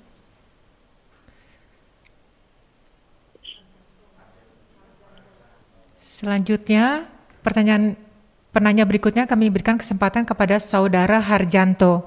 Kepada Saudara Harjanto kami persilakan. Anumodana, eh sorry, uh, Sukiyoto Bante. Selamat pagi, saya Haryanto dari Jakarta saya ingin menanyakan uh, mengenai uh, artinya sekarang ini kan orang lebih senang mendapatkan sesuatu yang instan ya, kesuksesan instan dan sebagainya. Nah, kaitan pertanyaan saya adalah uh, saya uh, tadi pagi barusan membaca buku mengenai pikiran alam bawah sadar dan juga sering uh, mendapatkan informasi-informasi bahwa alam bawah sadar itu uh, pada dasarnya itu yang mengendalikan pikiran sadar kita. Makanya banyak orang melakukan uh, apa namanya terapi-terapi yang sifatnya instan artinya dari mereka yang sifatnya penakut atau apa segala macam kemudian melalui berbagai macam teknik seperti hipnosis dan sebagainya uh, dengan mengulik alam bawah sadarnya seketika akan menjadi lebih berani dan sebagainya begitu ya. Dan itu banyak sekali orang karena uh, mengejar yang instan menempuh hal-hal seperti itu. Saya tidak anti dengan hal, hal seperti itu ya tapi kalau dari sisi pandangan Budi sendiri itu sebaiknya kita menyikapinya bagaimana Bante? Terima kasih. Oke. Okay. Iya. Uh, kalau memang hanya untuk menyembuhkan problem traumatis psikologi seseorang dan kalau memang itu benar-benar bisa, saya rasa nggak masalah. Saya rasa tidak masalah gitu. Ya eh, yang saya kadang tidak setuju adalah ketika diklaim bisa melihat kehidupan lampau itu eh, agak sulit untuk bisa menyetujuinya gitu. Ya, kenapa? Saya punya punya alasan gitu. Jadi sekali lagi dipisahkan ya. Kalau memang seseorang punya masalah traumatis, masalah psikologis yang mengganggu kehidupan yang bersangkutan dan ternyata memang bisa disembuhkan dengan metode-metode seperti itu, maka itu bagus, baik-baik saja, bagus gitu ya. Tetapi kalau dikatakan misalkan bisa melihat kehidupan lampau, itu yang agak sulit untuk menyetujuinya bagi saya pribadi dengan berbagai alasan dan juga eh, manfaatnya apa melihat kehidupan lampau. Kalau melihat kehidupan lampau dan kemudian itu bisa hanya untuk menyembuhkan penyakit-penyakit eh, yang tadi saya sebutkan, ya traumatis, psikologis, mungkin nggak apa-apa. Tapi kalau kemudian dianggap bahwa itu kehidupan lampau beneran, itu bisa jadi pandangan yang salah. Kenapa saya tidak setuju? Ya, eh, karena saya pernah bercakap-cakap dengan beberapa lah ya yang pernah di, dibegitukan dan juga bahkan para praktisinya itu beberapa gitu. Katanya kalau ini kalau kalau salah ya berarti informasi yang saya terima salah ya. Kalau benar ya berarti saya tidak setuju itu tadi gitu ya. E, artinya tidak setuju itu tidak setuju bahwa itu kehidupan lampau beneran gitu. Jadi yang membuat uh, argumen saya adalah satu uh, ketika seseorang dibawa yang katanya dibawa uh, masuk atau kembali ke kehidupan lampaunya ya itu dia dalam keadaan yang kilesa-kilesanya itu belum ditekan. Atau kalau dalam bahasa meditasinya panca niwarananya belum ditekan artinya masih bisa muncul uh, kilesa-kilesanya. Jadi dalam keadaan masih penuh dengan kilesa dibawa lari ke uh, yang so-called disebut sebagai kehidupan lampau. Kemudian yang kedua adalah ketika bangun dari keadaan yang seperti itu biasanya yang dikatakan adalah kepalanya berat, pusing atau apa dan lain sebagainya begitu ya. Nah ini berbeda sekali dengan realisasi tentang kehidupan lampau yang muncul melalui meditasi. Ya, ketika seseorang melihat kehidupan lampaunya melalui meditasi, prosesnya pertama dia harus menekan semua kilesanya dulu, menekan semua pancaniwarananya, gitu ya. Kenapa? Sehingga ketika pancaniwarana lima rintangan batin atau kilesa itu sudah tertekan, penglihatan dia itu bebas dari kilesa, bebas dari like and dislike dan lain sebagainya, begitu. Uh, dengan kata lain, penglihatannya adalah yakta buta, sesuai dengan apa yang ada atau sesuai dengan realitas yang ada, itu ya. Uh, penglihatan objek yang masih dipengaruhi kilesa itu bukan yakta buta, bukan pengamatan atau realisasi yang sesuai dengan realitas, tetapi sesuai dengan kemauan kilesa. Kalau yang muncul loba ya sesuai dengan keinginannya si loba. Kalau yang muncul dosa ya sesuai dengan keinginannya dosa. Inilah mengapa kan dilaporkan dulu katanya ini ada satu cerita seperti ini. Ada seorang dari satu kota kecil di Jawa bekerja di Jakarta, tetapi istrinya, anak istrinya ditinggal di kampung. Kemudian di Jakarta dia bekerja jatuh cinta dengan uh, teman satu kantornya, perempuan satu kantornya yang juga sudah berkeluarga. Jadi ada affair gitu. Itu ada satu cerita seperti itu. Nah singkat cerita uh, dua orang ini akhirnya uh, ingin mengetahui pas live-nya kita ini sebenarnya dulunya apa sih gitu. Yuk kita iseng yuk kita ke itu gitu si ahli gitu. Dan singkat cerita uh, datang ke ahlinya dan dibawa ke kehidupan lampaunya. Si laki-laki akhirnya menemukan bahwa pacarnya sekarang itu ya itu adalah soulmate-nya dia di kehidupan lampau si perempuan juga menemukan bahwa laki-laki pacarnya dia itu juga soulmate dia di kehidupan lampau. Jadi mereka ini soulmate. Singkat cerita akhirnya dua-duanya menceraikan eh, pasangannya masing-masing gitu. Dan mereka menikah. Ini kan konyol. Kenapa konyol? Karena yang namanya orang jatuh cinta kok mau dicari tahu ini dulunya siapa, udah pasti soulmate lah. Karena nafsunya masih belum diatasi, sehingga dia tidak melihat sesuai dengan realitas. Atau sebaliknya, kalau kebenciannya yang menguasai, ya dia akan muncul, oh ternyata orang yang sekarang saya benci ini dulunya juga adalah musuh saya yang sering menyakiti saya dan lain sebagainya lah gitu.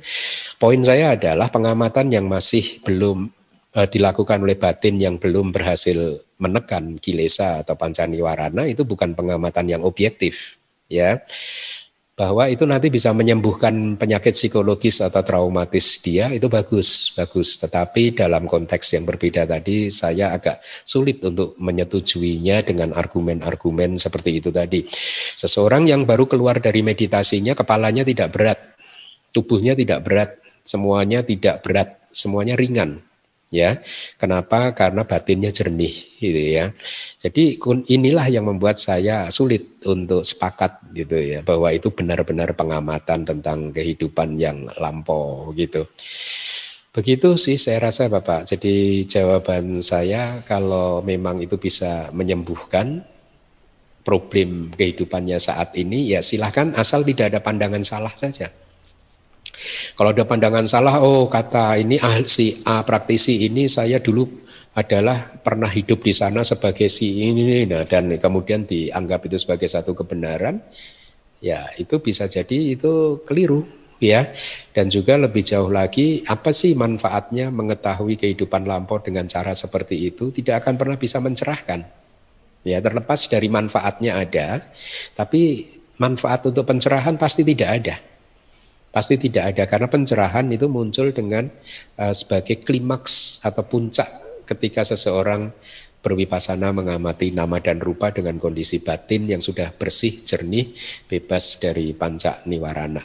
Seperti itu, Bapak. Terima kasih. Mudah Bante, terima kasih. Ya.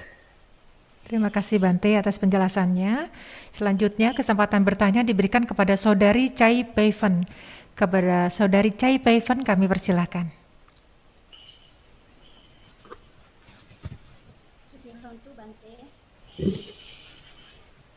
Bante, saya mau nanya gini, apakah mental, oh, suaranya kecil Bu. Apakah mental disease itu memang bawaan lahir ya Bante? Hmm, kecil tuh masih? Bante, mental disease itu bawaan lahir ya? Oh, uh, Yulia Mental bisa. disease apakah itu adalah pembawaan lahir, Bante? Apa? Mental disease. Mental disease. Mental disease. Oh mental disease. Nah, seperti apa ya mental disease itu ya Bu? Seperti misalnya begini nanti setiap orang itu kan mempunyai permasalahan kan ya ada yang menanggapi itu bisa dengan baik, ada pula yang bisa timbul depresi atau mungkin hal-hal yang lain begitu Bante. Jadi yang ingin saya tanyakan itu apakah mental disease itu memang bawaan lahir begitu? Kenapa ada yang bisa menghadapinya dengan baik dan ada yang tidak? Gitu? Yulia bisa uh, ke saya. Mohon maaf, saya juga di awal tadi di saya tidak bisa mendengar dengan jelas, Ibu. Mohon diulangi. Kecil sekali suara Ibu. Dekat lagi. Begini, Bante. Nah, dalam hidup ini kan kita selalu itu ada permasalahan, Bante. Jadi ada orang itu yang bisa menghadapi permasalahannya itu dengan baik dan ada pula yang tidak bahkan menimbulkan depresi atau stres yang berlebihan. Nah, yang ingin saya tanyakan Bante, apakah mental disease itu permasalahan uh, dalam menghadapi dalam menghadapi permasalahan itu memang sudah bawaan lahir. Ada yang bisa menghadapi dengan baik dan ada yang tidak bisa menghadapi dengan baik. Julia bisa? Uh, mungkin mudah-mudahan saya bisa bisa mem menyatakan dengan baik ya Bu. Jadi beberapa orang itu kan ada yang bisa mengatasi permasalahan hidupnya dengan baik, tapi ada juga yang sampai depresi. Oh, ya, betul. Uh, itu ya, mental disease begitu ya. Apakah itu bawaan sejak lahir atau bagaimana begitu? Sepertinya ya Bu. Oh, ya, ya, ya, oke, oke. Oke, oke, oke uh, ada banyak sebab saya rasa ya.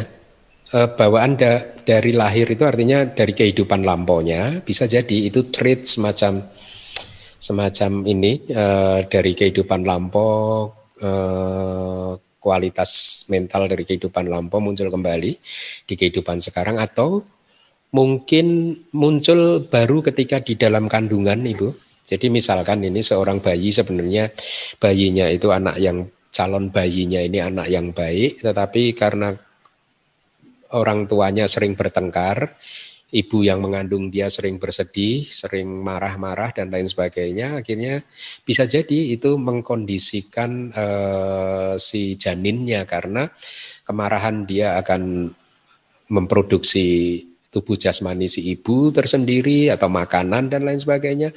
Dan itu akan bisa sedikit banyak berpengaruh ke kondisi mental atau ketika lahir uh, ketika masih kecil dia juga mengalami kejadian-kejadian yang tidak membahagiakan dan itu akhirnya membuat dia uh, terperangkap dalam rangkaian kesadaran arus kesadaran yang uh, uh, yang disebut sebagai depresi, kesedihan terus-menerus dan lain sebagainya. Bisa jadi seperti itu atau juga bisa muncul di usia yang belakangan kan kita sering melihat kan seorang anak itu dulu kita temui ceria sekarang enggak atau dulu enggak ceria sekarang ceria begitu ya Bu ya. Jadi ada banyak sebab sih uh, uh, abidama maupun di kitab-kitab kita tidak menceritakan itu sebabnya secara spesifik, tetapi ya dari ke, uh, yang bisa saya simpulkan ya seperti yang tadi saya sampaikan, bisa dari kehidupan lampau, bisa terjadi ketika di dalam kandungan, bisa terjadi ketika masa kanak-kanak, atau bahkan di belakang hari itu bisa muncul.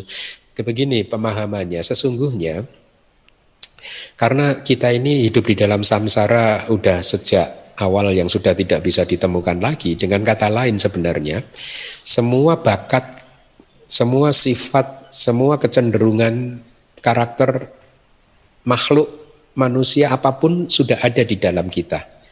Ya, kecenderungan-kecenderungan itu sudah ada. Tinggal mana yang berbuah atau mana yang berkembang saja begitu. Makanya tadi saya katakan kalau anak kecil lahir di lingkungan orang tua yang sering bertengkar, akhirnya yang harusnya dia ceri, ceria tapi malah jadi uh, sering introvert atau dan lain sebagainya lah ya. Atau sebaliknya juga berlaku gitu. Uh, kalau orang tuanya bahagia maka dia yang tadinya bakatnya introvert jadi ekstrovert. Ya, perubahan-perubahan itu sangat uh, dimungkinkan itu karena kita semua ini sudah mempunyai semua jenis sifat benih yang ada di muka bumi ini, benihnya ada di kita. Tinggal mana yang kita sirami, mana yang tumbuh dan akhirnya menjadi sifat yang kuat di dalam diri kita. Itu Bu. Semoga jelas ya. Ya, Yulia saya rasa cukup di sini ya. Masih ada satu pertanyaan Bante, apakah Bante berkenan? Hmm, Sekarang bagaimana mas... kalau oh, oke okay deh satu pertanyaan ya. Ya. Penanya terakhir kami berikan kesempatan kepada Saudari Widya Wartono. Kepada Saudari Widya kami persilahkan.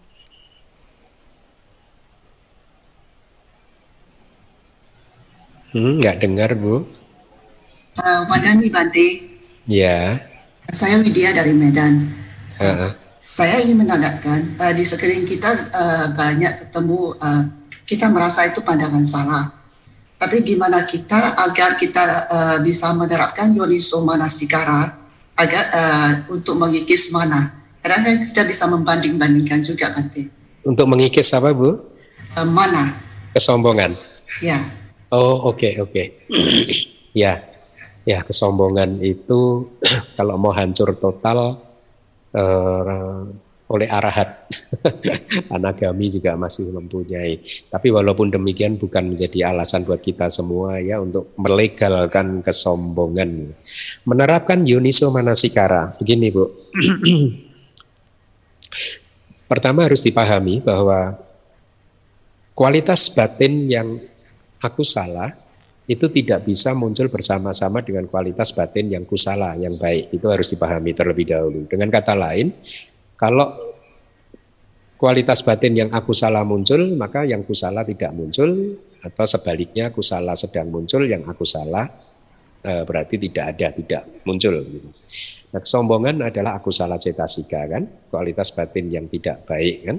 Yuniso manasikara itu adalah sati, perhatian penuh. Ya, perhatian penuh terhadap objeknya. Perhatian penuh itu adalah cetasika yang uh, indah, dengan kata lain, kalau perhatian penuh muncul, maka kesombongan tidak akan pernah bisa muncul. Nah sekarang bagaimana menerapkan yuniso manasikara supaya kesombongan tidak muncul? Sesungguhnya ketika yuni, yuniso manasikara itu kita terapkan, kilesa apa pun tidak hanya kesombongan tidak akan pernah bisa muncul. Ya, karena penjelasan yang tadi negatif tidak bisa muncul bersama-sama dengan yang positif gitu. Nah, praktek yuniso manasikara itu bagaimana? Ya, prakteknya adalah uh, internal dan eksternal.